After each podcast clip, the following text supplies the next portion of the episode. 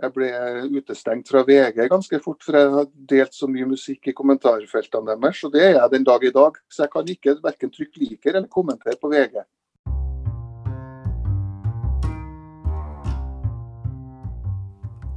Velkommen til Til nordlendingen, en podkast om musikk og sceneliv av og med Christian Krokslett.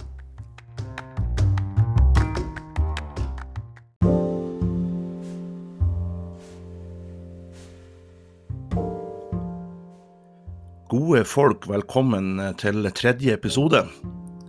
Tusen takk for alle de eh, fine tilbakemeldingene jeg har fått fra dere som eh, har hørt på.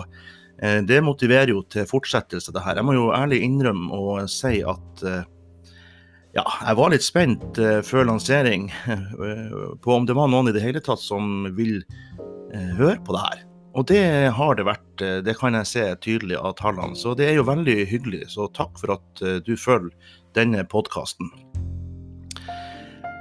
Akkurat nå så sitter jeg på et uh, hotellrom, et lite hotellrom i Mo i Rana. Jeg er med i castet på Nordland Teaters oppsetning av Så som himmelen. Og vi driver og prøver, uh, har prøver hver dag, og krysser fingre for at vi faktisk får gjennomført premiere og får reist rundt på turné i Nord-Norge. Det er jo litt sånn spennende tider, men vi føler oss heldige som kan gå på jobb her. Og med de eh, bestemmelsene som eh, har forelagt de siste par ukene, så er det jo ikke bare enkelt å skal møte folk og prate med dem. Derfor er jo eh, internett og Zoom og Skype og ikke minst altså den gode gamle telefonen en god kommunikasjonskanal og et verktøy man kan bruke når man skal prate med folk. Eh, det er nok kommet for å bli. og eh, det er akkurat eh, over telefon jeg har snakka med dagens gjest, som er dirigent og sniksymfoniseringsgeneral Torodd Vigum. Her får du høre vår samtale på, som jeg hadde med han via telefon.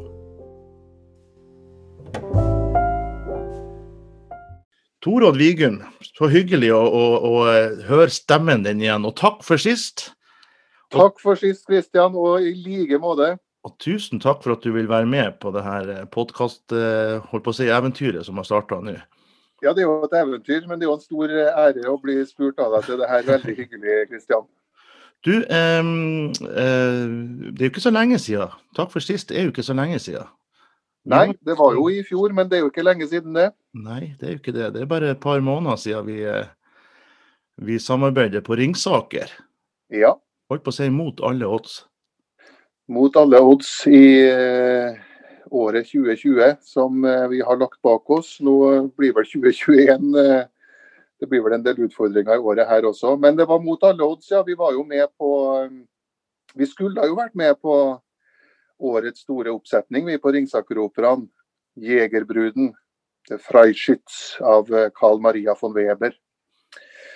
Men Ringsakeroperaen tok jo et tidlig grep. Det var jo faktisk i god tid før sommeren i fjor, og bestemte seg for at istedenfor å ta sjansen på en stor oppsetning med veldig mange involverte, så laga de en tidagers Ringsaker operafest isteden. Og alle vi som var booka til til Jegerbruden. da, Vi fikk jo være med på operafesten.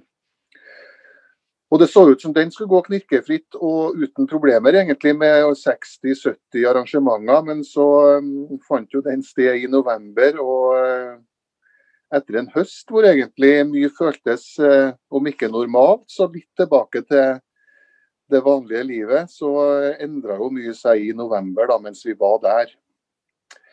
Så det var mye vi ikke fikk gjort, men eh, vi var jo heldige og fikk gjort noe òg. Så vi, eh, vi varte jo veldig takknemlige for det vi fikk gjort sammen, Kristian. Ja, det stemmer det. Og det andre fikk gjort. Absolutt. Mm. Og, og, eh, og, vi gjorde noe merkelig på denne festivalen der også. Det var jo ikke bare opptredener. Sånn. Du hadde noe som heter for TV-studio. og Det var også et resultat av den endringa som ble gjort. Fortell litt om det. Ja, det ble jo det. Eh, jeg fikk jo gleden av å være med i litt programarbeidet da, fram mot operafesten sammen med regissør Ronald Rørvik og selvfølgelig operasjefen Kari Bekken.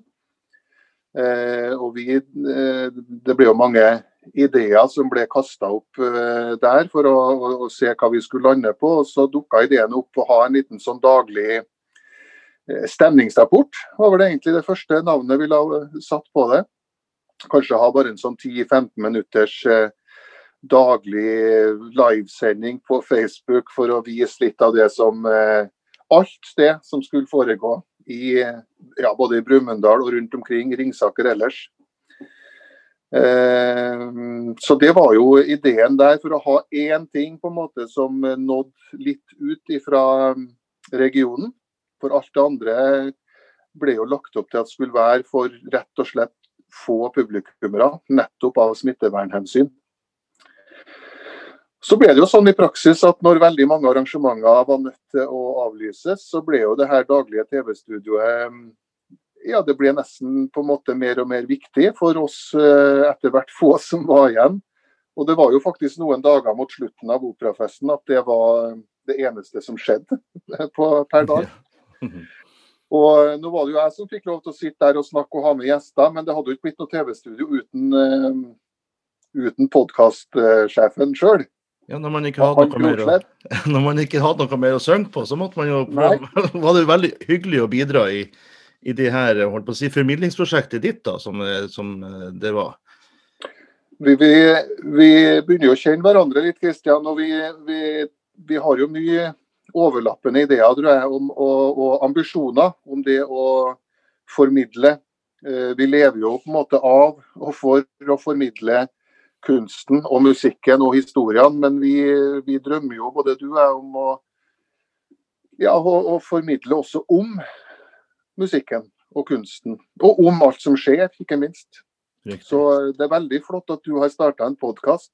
Gratulerer med det. Takk for det. Det er jo, det er jo interessant å, å først og fremst altså sjøl å se litt på hva er det man holder på med, og hva er det vi, er det vi gjør. Og gjøre seg sjøl litt eh, tanker og bli litt bevisst hva det er vi faktisk driver på med. Eh, og så har jeg jo, som du kjenner til, denne min kollega på min nettside som jeg har hatt eh, nå gående under denne koronatida. Og, og, det har gitt meg litt som en sånn eh, enda større nysgjerrighet på hva mine kollegaer, ikke bare sangkollegaer, men også nå i, i forlengelsen, at, at man, de man har møtt på veien gjennom alle disse årene, hvor når tid ble det et yrke, og når starta det? Så derfor sier jeg, hvis vi nå, nå har vi jo snakka litt om det som er nåtida. Men, men hvor, hvor starta det for deg, Torodd? Hvor, du, vi vet jo at du heter Torodd Vigum og er dirigent. Liksom. Men hvor kommer du fra, og hvem er du, og hvor starta det hele? Ja, se der. Eh, du er visstnok unnfanga på Saltfjellet, så eh, det var jo en god start. Ja, det vil jeg si. Men jeg er født i Trondheim, da, der vi, der vi bodde, og der jeg bor den dag i dag. Eh, jeg har bodd i Trondheim så godt som hele livet mitt, bortsett fra noen få år i Oslo på 90-tallet. Men var, når, det, når, det, når, vi snakker om musikken og det som er blitt yrkesvalg og sånn etter hvert, så er, var jeg rett og slett veldig heldig med timingen. Jeg er født i 1970. Og i 1974, på høsten der, så starta det som da het Trondheim kommunale musikkskole først. Det som er kulturskolen selvfølgelig i dag. Eh, de var en av de første, absolutt første musikkskolene i Norge og som da også starta opp med minifiolinundervisning. Og det var utlyst for barn født i 1970, altså fireåringer. Ja. Og eh, min mor tok meg med på eh, fiolin, eh, minifiolin på musikkskolen. Så jeg spilte jo fiolin Jeg kan jo ikke huske at jeg ikke har spilt, for å si det sånn. Det var jo såpass tidlig, og, og det var jo helt nytt. Det var mye som skjedde på 70-tallet. Vi fikk jo en musikkhøyskole først på 70-tallet, tidlig. Og etter hvert fikk vi veldig mange musikk- og da eh, kulturskoler rundt om i landet. Som jo har betydd enormt. Det kommer vi kanskje tilbake til i praten vår. Mm. Men det førte i hvert fall til at jeg fikk eh, jeg lærte meg et instrument i tidlig alder og begynte å spille fiolin og hadde det veldig fint på eh, musikkskolen. Eh, den ble jo ganske stor ganske fort. Trondheim kommunale kulturskole, da, som den heter nå, er jo er vel landets største den dag i dag. Det Drives et fantastisk godt arbeid. Og det var eh, artig å spille. Og når ungdomsårene kom og det av og til ikke var fullt så artig å spille, så var det mye kammermusikk å få være med på. Og jeg hadde en flott eh, lærer som het Svein Holkin, som tok mange av elevene sine ganske, i ganske ung alder med inn i det som den gang het Trondheim Handelsstands Forenings Orkester. Et utrolig navn fra gammelt av. Amatørorkester i byen. Ja. eh, og fikk begynne å spille i symfoniorkester allerede som 11-12-åring. Og, og, det var det samspillet var jo det som holdt meg gående, eh, som gjorde at jeg øvde ja, tross alt relativt jevnlig på fiolin gjennom ungdomsårene. Det er jo da mange detter av. Mm. Men det fellesskapet var helt uvurderlig, og samspillet. Og jeg var veldig tidlig veldig trigga av uh, samspill i mm. orkester og kammermusikk. Mm.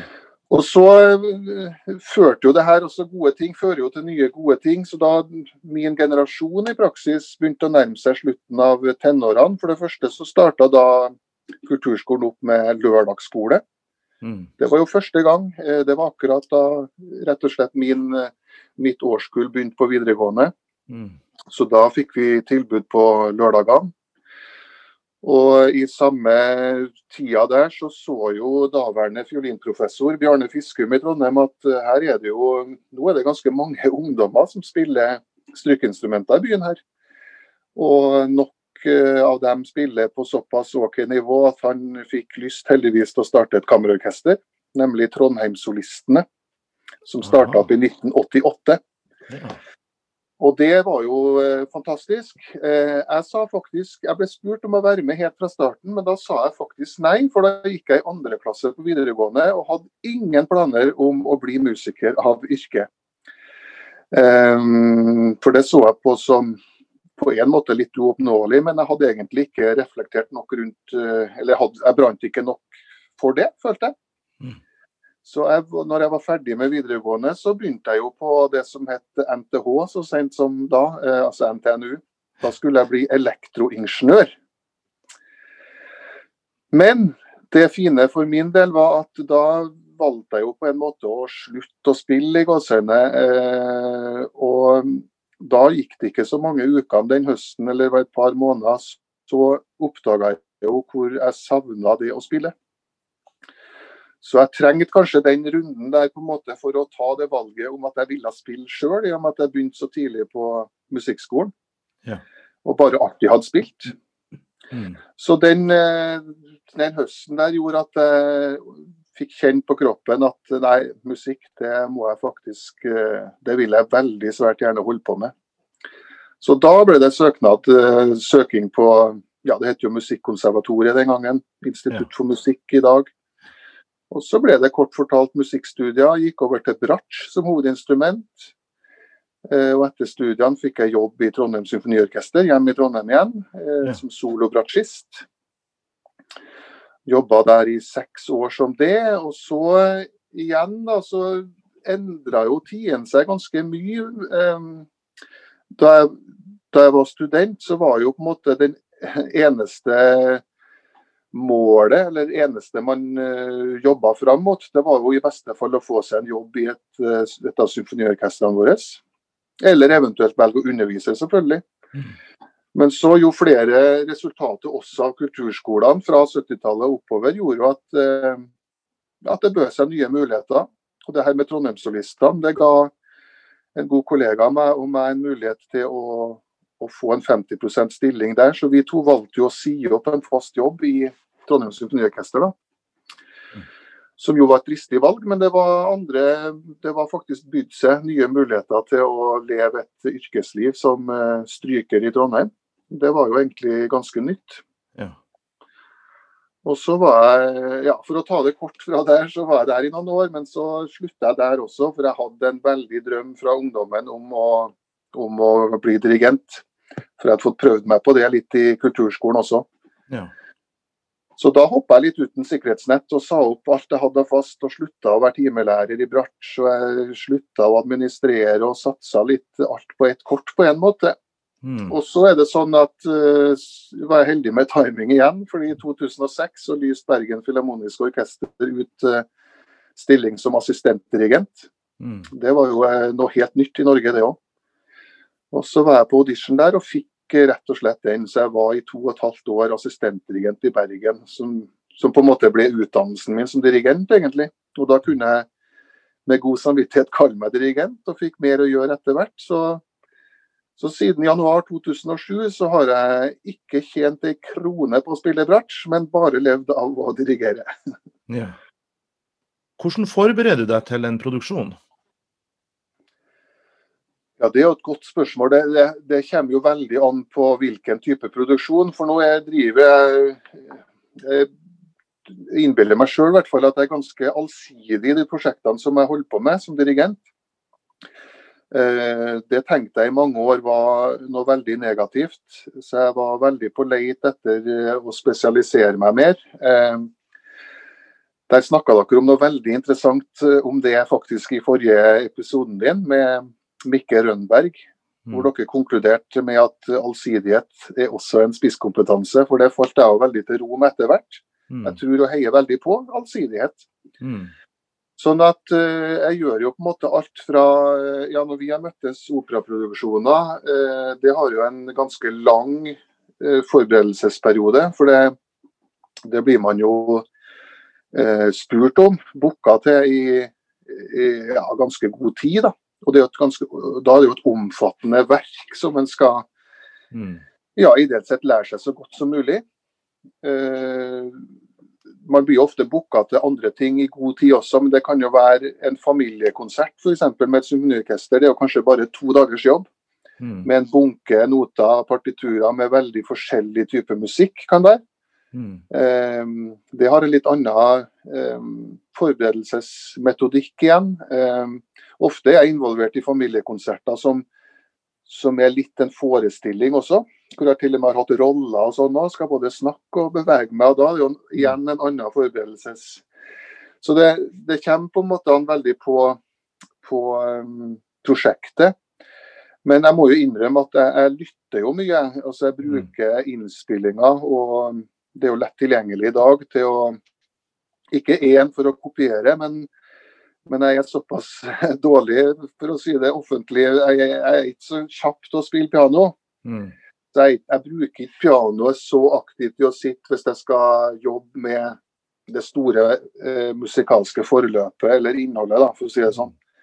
Men jeg prøver å lytte veldig aktivt til, mm, ja, til både gamle og nye innspillinger hvis det er kjente verk. Og, og, mm, og så prøver å, og så gjelder det å sjonglere ofte, for det er jo flere prosjekter gjerne samtidig som en skal forberede seg på. så Mm. etter hvert tror jeg man utvikler en sånn egen Vi er alle forskjellige sikkert, men jeg, jeg har nesten begynt å kjenne på kroppen med årene når jeg vet at oi, nå ligger jeg litt bakpå med Jegerbruden. Eller og det Mm. kan være et halvt år før eller et år før. Så, nå, man begynner å kjenne på at nå ligger jeg litt etter skjema. Mm. Og Det er ikke så lett å definere bestandig, men man, eh, det er vel en erfaringslagring som gjør det antagelig. Mm. Men, men altså, for du, du må jo forberede deg og øve på et instrument som du ikke har tilgjengelig i en innstuderingsfase. Det er det. Du nevnte piano eller en gitarist som kan jo øve seg på det instrumentet som man skal opptre med på konserten eller forestillinga. Ja. Du har dirigentpinn. Står du foran speilet og dirigerer og slår og, og øver inn eh, temposkifter og sånt, eller Nei, vet du, det har jeg egentlig aldri gjort. Jeg vet at mange gjør det, og det kan godt hende jeg skulle ha gjort det noen gang eller innimellom for å utvikle Mm. eller passe på teknikken og sånn, for den er viktig. Men, men jeg har egentlig alltid opplevd at, eh, at um, det er jo responsen man får. Nettopp instrumentet, som du sier, altså orkesteret. Det er jo det man opplever der og da. Mm. Orkesteret eller sangere, da, eller kor. Som, som er med å påvirke det man eh, gjør med hendene. Mm. Men jeg, altså det med hendene og slagteknikk det er jo selvfølgelig viktig, man må jo gjøre seg forstått. Men, eh, men det er jo egentlig en ganske liten del av eh, den totale jobben, på en Mm. måte. Mm. Det, det handler veldig mye om, eh, om eh, psykologi, Mm. eh, faget. Og det å lede ja, I operasammenheng så er det jo rimelig mange til sammen som Mm. ideelt sett skal enes om om et felles uttrykk og et felles mål. Ja. Og jeg er jo veldig glad i å rett og slett å jobbe med folk. Du møter jo åpenbart masse folk. Dette orkesteret består jo av, av, av et hundretalls eh, mennesker. Altså, det kommer jo an på orkesteret, selvfølgelig. Ja, ja. Men med kor og i en operaproduksjon så er det jo veldig mange til stede. Mm. Eh, men eh, jeg satt og tenkte her litt før vi skulle prate, ta denne praten. og tenkte, hvor ofte møter jeg, jeg som er sanger, jeg møter jo ofte i ensemblet andre sangere i akkurat samme situasjon, og andre eh, ja, ensemblesangere når jeg er med i Det Norske Solistkor eller voka- Vokalart som jeg er med i. Og, og, eh, men du som dirigent, hvor ofte, hvor ofte møtes dere dirigenter? Har dere noe sånt dirigentforum som dere møtes i, eller er er det et ensomt yrke? Ja, Kortsvaret er jo at det er et ganske ensomt yrke, tror jeg, i utgangspunktet. Og for, Vi er vel for, veldig forskjellige der òg, men jeg, jeg- vet jo at det er mange kolleger som opplever det som veldig ensomt. Mm. Eh, jeg er jo såpass sosialt anlagt at jeg liker å omgås også kolleger, for å si det sånn. Så jeg, eh, jeg prøver jo å dra i gang noen sånne sosiale møtepunkter av og til. Vi hadde nå eh, et eh, norsk eh, dirigentjulebord for noen få år tilbake, Mm. som jeg var litt i bresjen for. Og det hadde jeg jo store ambisjoner om å gjenta nå før jul 2020. På en måte etter koronaen i gåsehudene. Men nå ble det jo langt ifra mulighet til å ha noe dirigentjulebord i 2020. Mm. Men vi, vi hadde også faktisk, når etter at koronaen kom, etter 12. mars, så hadde vi Vi har en Facebook-gruppe sammen, norske dirigenter. Eh, og da hadde vi faktisk eh, Noen uker så hadde vi en sånn ukentlig digital dirigentlunsj. Ja. Hvor de som eh, hadde lyst av oss, eh, eh, meldte seg på, skal jeg si, eller var med på Mm. Teams. Mm. Og det vet jeg jo betydde mye for flere av eh, kollegaene mine. For igjen, da, som sagt, det oppleves jo ofte som et ensomt yrke. Og, og, og det gjorde godt å føle at vi Jeg tror jo, har jo lenge og tror jo veldig på at hvis eh, også, det tror jeg jo gjelder alle, alle yrkesgrupper, men eh, vi har ingenting å ta på å stå eh, sammen. Mm. For jeg mener det var vel Eivind Gullberg Jensen, en, eh, vår kjente eh, dirigent, internasjonale stjerne, og en eh, god venn og kollega. Han sa jo det for mange år siden at for hver norske dirigent som lykkes, så, så gagner det egentlig alle norske dirigenter. For det gagner dirigentstanden, da, for å kalle det det. Mm. Og det tror jeg veldig på. Og vi ser jo en Nå satses det jo litt ekstra på faget òg, gjennom Dirigentløftet og veldig mange flotte prosjekter som skjer, hvor det satses eh, ganske mye på unge dirigenter. Jeg håper også at det etter hvert kan satses på, på norske dirigenter som er, som er litt oppe i åra òg. Mm. Så tror jeg jo at vi kan se en enda oppblomstring av flere norske dyktige dirigenter. og det, det, det mener altså det tror jeg helt oppriktig, og mener oppriktig er bare bra for oss alle som driver på. Men nå må jeg jo innrømme, det er kanskje litt snevert, men i den her norske dirigenter, vi burde kanskje kalt den norske orkesterdirigenter, for det er jo litt Mm. innafor det. Mm. Og det har jo litt å gjøre med at det er jo utrolig mange eh, dyktige kordirigenter også. Mm. Og de har jo sitt, eh, de har jo vært litt flinkere, de har jo litt eh, forum for det, tror jeg. Litt mer Mm. organisert. Du driver også formidling også utafor dirigentpodiet. Du har jo eh, nå i noen år stått bak eh, hashtag sniksymfonisering. Hva Det i alle dager er det for noe? Ja, det eh, begynte jo med en Altså, jeg var ganske sein, faktisk, eh, på sosiale medier. Eh, Men når jeg først kom der, så gikk det ganske eh, Så ble det ganske mye etter hvert. Jeg oppdaga litt eh, det selvsagte, at her kan man nå ut til mange på kort tid.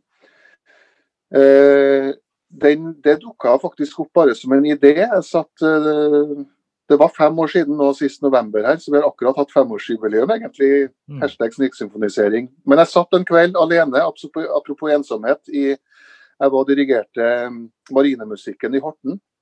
Og satt en kveld på restaurant der og spiste alene. Og så hadde ikke noe annet å gjøre mens jeg venta på maten, så jeg satt og scrolla litt på nyheter på, på telefonen. Eh, og så eh, rota jeg meg inn i noe kommentarfelt. Og det var litt sånn, det hadde jeg ikke vært noe mye, rett og slett. Og endte opp i et forferdelig kommentarfelt med utrolig mye ja, mye dritt, for å si det rett ut. Eh, mye hat. Eh, det er jo blitt mye verre eh, etter den gangen der, dessverre. Mm. Men jeg satt og, og, begynte å formulere noen svar, og jeg prøvde det ene svaret etter det andre. men Man måtte bare liksom slette og nei, hva skal man skrive om det her? Og så fikk jeg egentlig bare en innskytelse om at her, det her er jo så stygt og fælt inni her, så her trengs det jo egentlig bare noe, noe vakkert. Eh, en motvekt.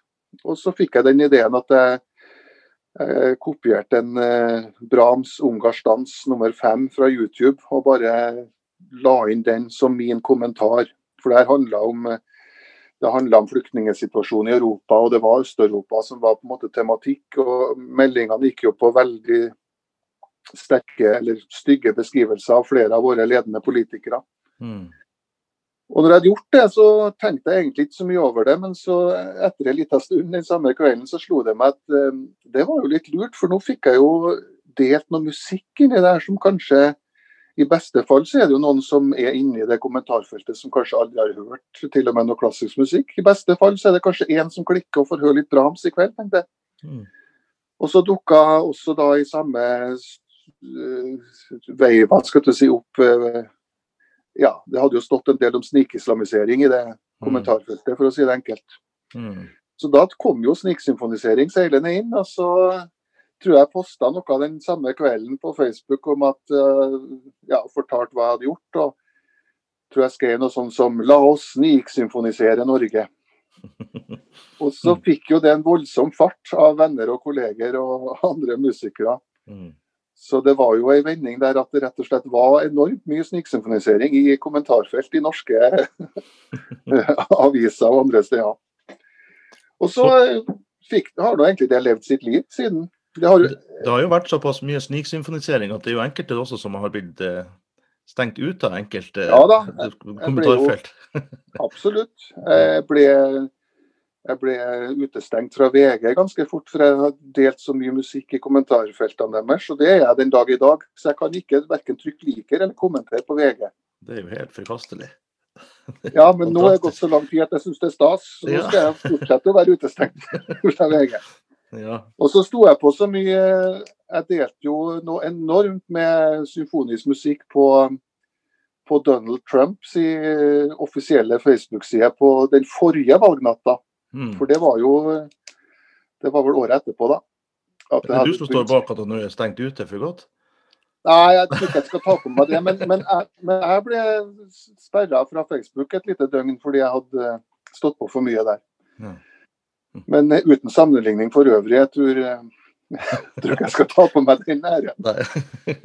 Men det som er litt morsomt eh, nå liksom over tid, det er jo at snikksymfonisering lever sitt liv på en måte og har blitt et lite sånn begrep egentlig for, for mange, tror jeg, som er opptatt av ja, den klassiske musikken generelt, og, symfonisk musikk spesielt. Da, og, og I mitt hode så har jo sniksymfonisering nå dreid seg mer over til å være en sånn litt generell eh, hashtag da, eh, på mm. det å tilgjengeliggjøre eh, klassisk musikk, symfonisk musikk.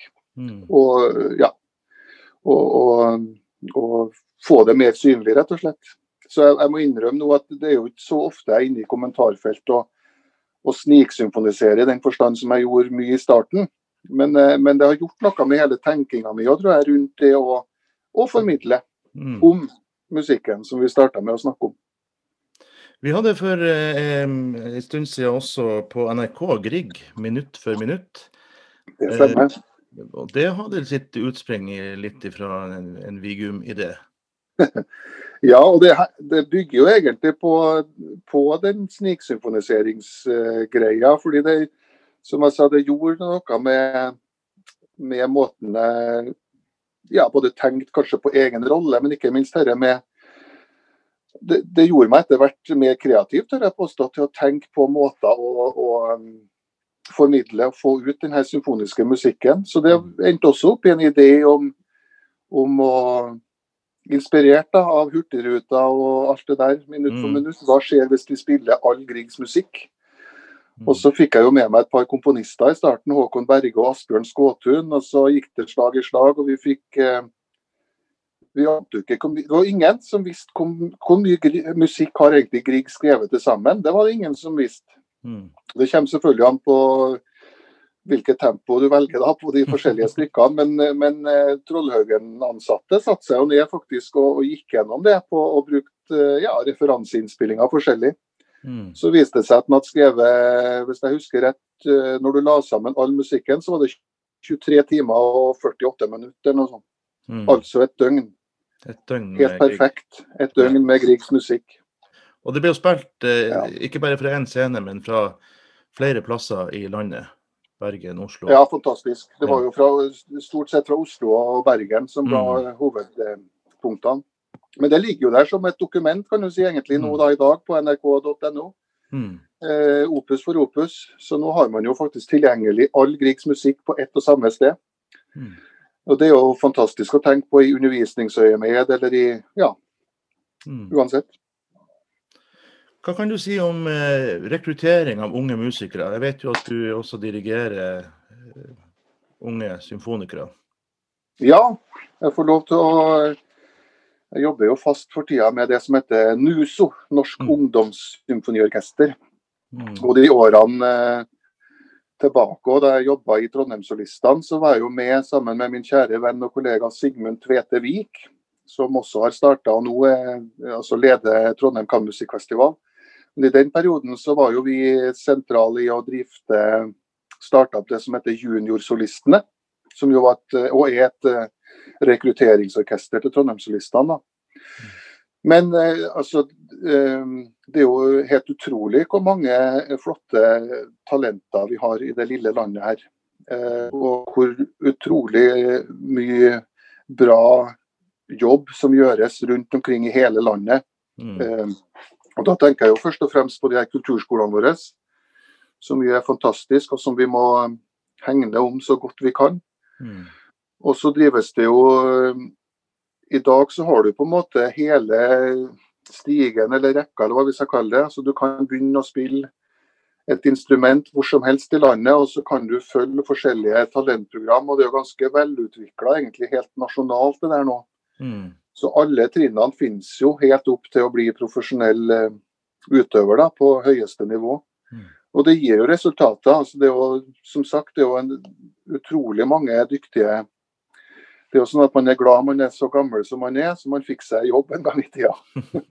det er ikke blitt noe lettere med åra. Det, det det er selvfølgelig tøft, og, og, og det blir tøff konkurranse. Mm. Men det er jo fantastiske muligheter for musikklivet. Absolutt. Og det er jo ikke gitt at alle skal bli profesjonelle utøvere. Absolutt Det ikke. er jo også gleden ved det å spille et instrument, eller, eller, eller, eller ha en annen arena, en plattform som man kan mestre noe på, kanskje gjennom en litt tøff skolehverdag, f.eks. For, for en, en som går i barneskole, ungdomsskole, videregående. Og det å kan møtes i et ensemble på fritida og spille litt, så kanskje blir matteleksa litt lettere. det er jo det som er så viktig, og det er jo det vi må stå på og formidle. fordi musikkfaget og sang i skolen og alt, det er jo under eh, litt press i vår tid. For Det er jo Mm. ikke verken lønnsomt i kvartalsregnskap eller, eller gir noen åpenbare kjappe resultater. Men, eh, men det, er jo, det, er jo, det er jo så mange andre verdier i livet. og Mm.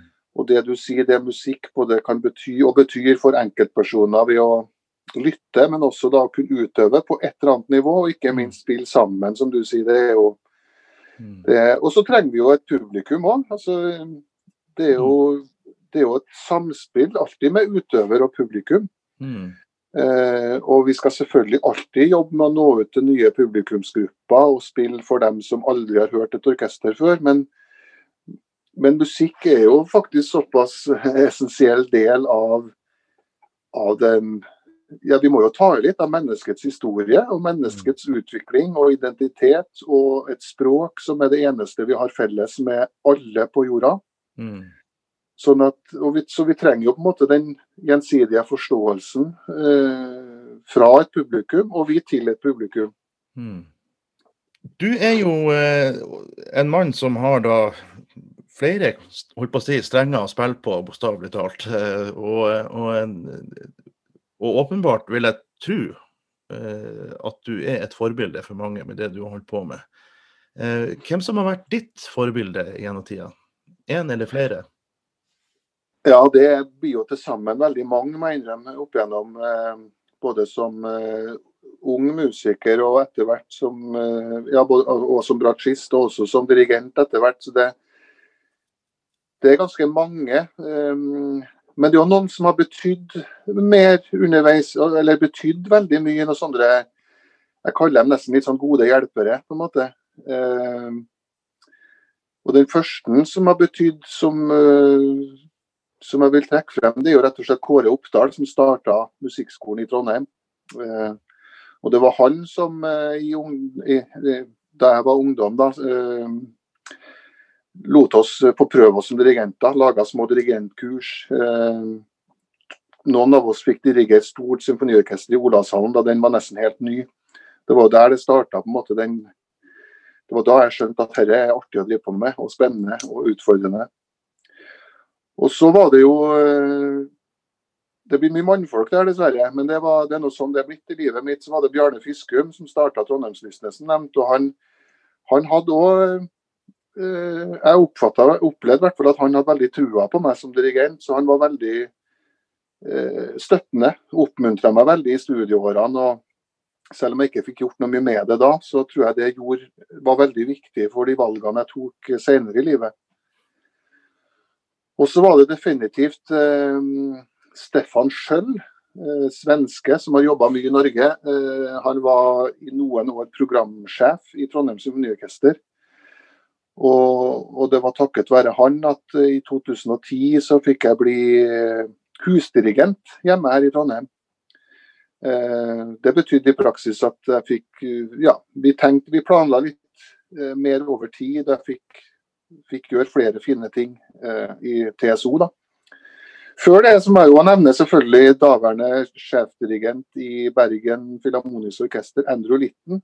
Mm. For det var jo han som Han er amerikaner, og det var han som som foreslo og sto bak at BFO da starta med assistentdirigent. For det var han så vant til fra amerikanske og engelske og andre orkestre. Og det ble en veldig fin periode for meg eh, å, å, få følge han i hans arbeid. Og... Så det er mange sånne gode hjelpere underveis, kan du si. Mm. Men når du sier forbilde, hvis det er en jeg skal velge ut sånn helt målbart på dirigent, da, så det kunne vært Bernstein og det kunne vært veldig mange andre. Men akkurat for meg så har det vært ganske lenge nå. Jeg er fremdeles ned med Jervi. Uh, han lever jo ennå, heldigvis. Uh, legende. Uh, opprinnelig fra Estland. Emigrert til Amerika for mange år siden. da. Mm. Hva, er som, hva, er det som, han står frem hos han da, som, som gjør at ja, han er, sånn som jeg oppfatter så en utrolig leken musiker. Altså en musikant, som gjerne vi i bransjen bruker som et honnørord på hverandre. Mm. Eh, han leker musikk. Eh, på godt og vondt, er det mange som sier. Det kan jeg også synes av og til. For der kan det være noe tempovalg som er langt utafor eh, normalen. Mm. Men heldigvis, da, så er det jo det vi trenger òg. For hva er nå normalen? Så, og det har han holdt på med hele livet, føler jeg. Når du har lest litt om hans tidligere karriere og alt, og har fulgt den litt mer sånn opp igjennom. og faktisk fått vært assistent til han da, både i Bergen og, og, var faktisk et par turer bort til Tallinn i Estland og assisterte han òg. Mm. Fikk litt kontakt med han heldigvis. Men eh, bare måten han eh, ja, rett og slett utøver faget og dirigerer på, det, hmm. Det, er vanskelig å beskrive. og Det er sikkert står ikke beskrevet i noen bøker om slagteknikk. Men uh, igjen, da. Det er så mm. personlig og det er så effektfullt. Og, um, og musikere elsker jo, i hvert fall de første gangene, elsker de jo å spille med den. mm, ja. uh, orkestermusikere går jo lei av mange ganske fort, men det er en annen uh, sak. Nei da, men Rene Jervi er et stort forbilde. Ja, men da har det jo, når du nevner flere typer forbilder da, eller, eller, personer som du vil trekke frem igjen, så vil jeg tro at kanskje høydepunktene står i like lang kø. Men er det noe Hvis du skulle velge trekke frem La oss nå si to, da. Fra den tida som utøvende fiolinist, bratsjist og som dirigent. Er det, er det noen ting som, som, du har opplevd der som har betydd mer for deg? Ikke enn andre, men for, mer? Nei. Ja, som, um, som bratsjist så blir det nesten vanskelig å komme unna den første turneen som Trondheimslistene gjorde med Anne Sofie Motter, verdensstjerna, eh, fiolingudinnen, som utrolig nok eh, booka og forespurte Trondheimslistene til å være med hun på en eh, fem ukers europaturné i 1999. Eh, det er jo et eventyr av en historie. Jo, jo, jeg var med på en turné til, og, men så har jo Trondheimsistene hatt flere turneer med etterpå. Men den første der, med fem uker rundt om i Europa med bare fulle hus, selvfølgelig, for den store stjerner kom rundt omkring i Tyskland, i Madrid, i København, i Oslo. På slutten av turneen var vi oppom her hjemme i Trondheim også. Og Da var det sånn at publikum spratt opp av setene idet vi gikk inn på scenen. husker jeg Vi starta med stående applaus. Ble litt nervøs av det, men, men den opplevelsen der, det var en sånn Ja, den, eh, det var stort. Mm. Rett og slett. Som, som, den kanskje aller største av alle de flotte opplevelsene jeg fikk lov til å ha i Trondheimslistene. Mm. Som dirigent så er det også litt eh, også vanskelig, da. Men, eh, men eh, hvis jeg skal ta fram noe, så er det faktisk i 2015 så, så fikk jeg faktisk lov til å jobbe eh, Det var med Stavanger symfoniorkester. Da var faktisk filmkomponisten James Horner i Stavanger. Utrolig nok. Han er en av de store, var da, dessverre, eh, nå. Eh, filmkomponistene Avatar, Braveheart, eh, Titanic selvfølgelig, osv. Mm. osv.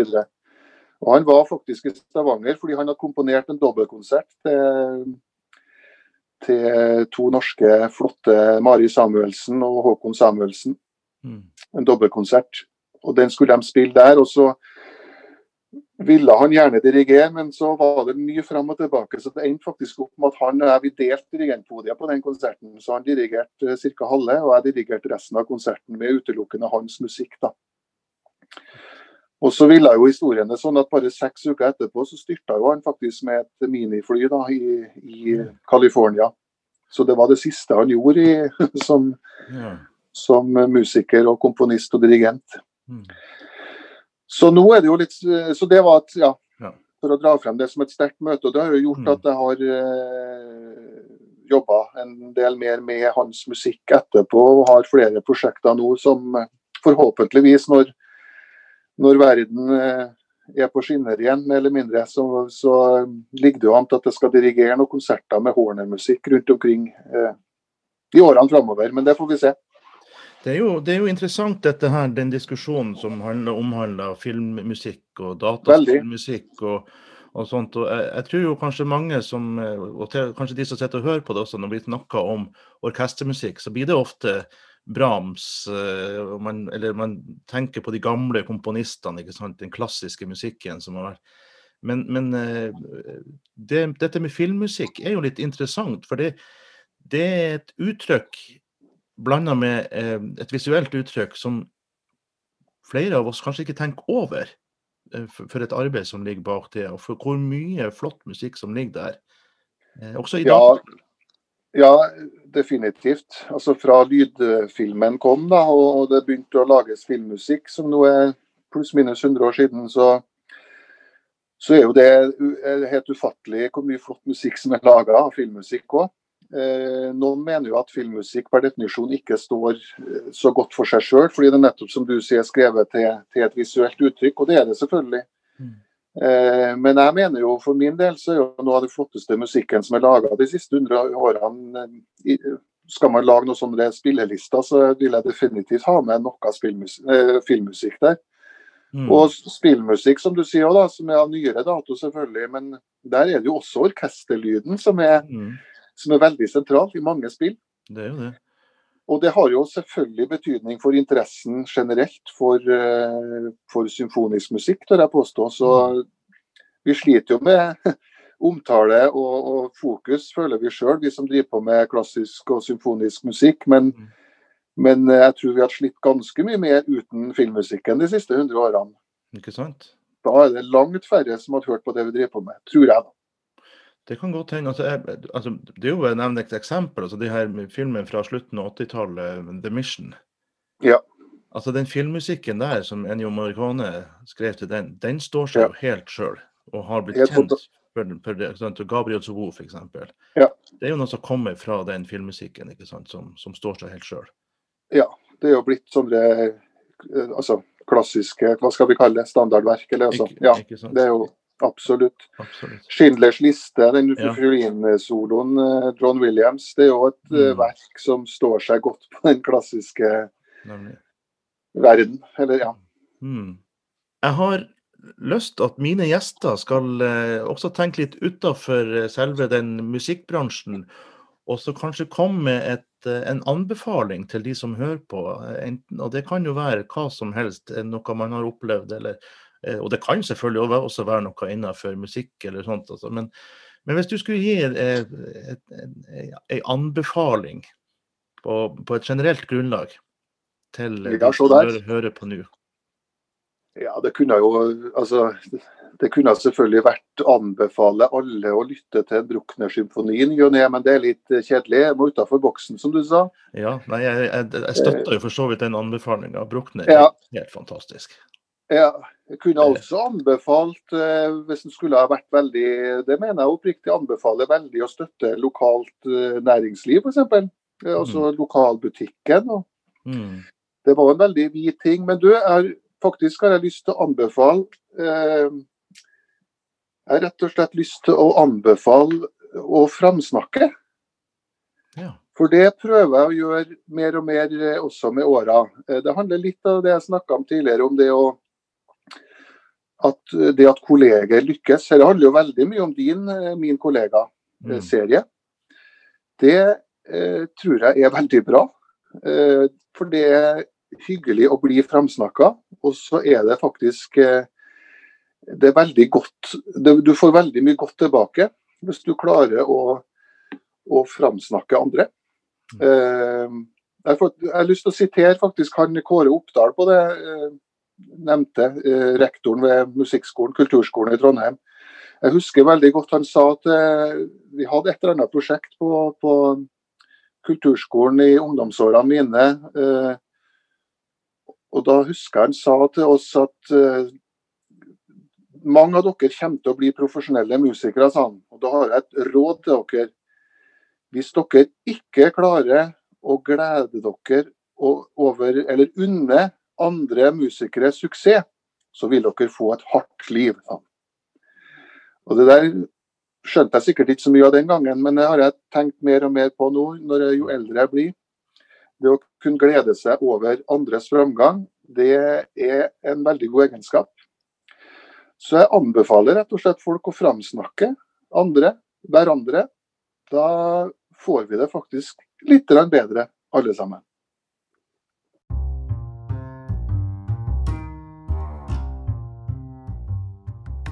Denne podkasten er laga av meg, Kristian Krokslett. Abonner gjerne, og følg også gjerne Facebook-sida med samme navn.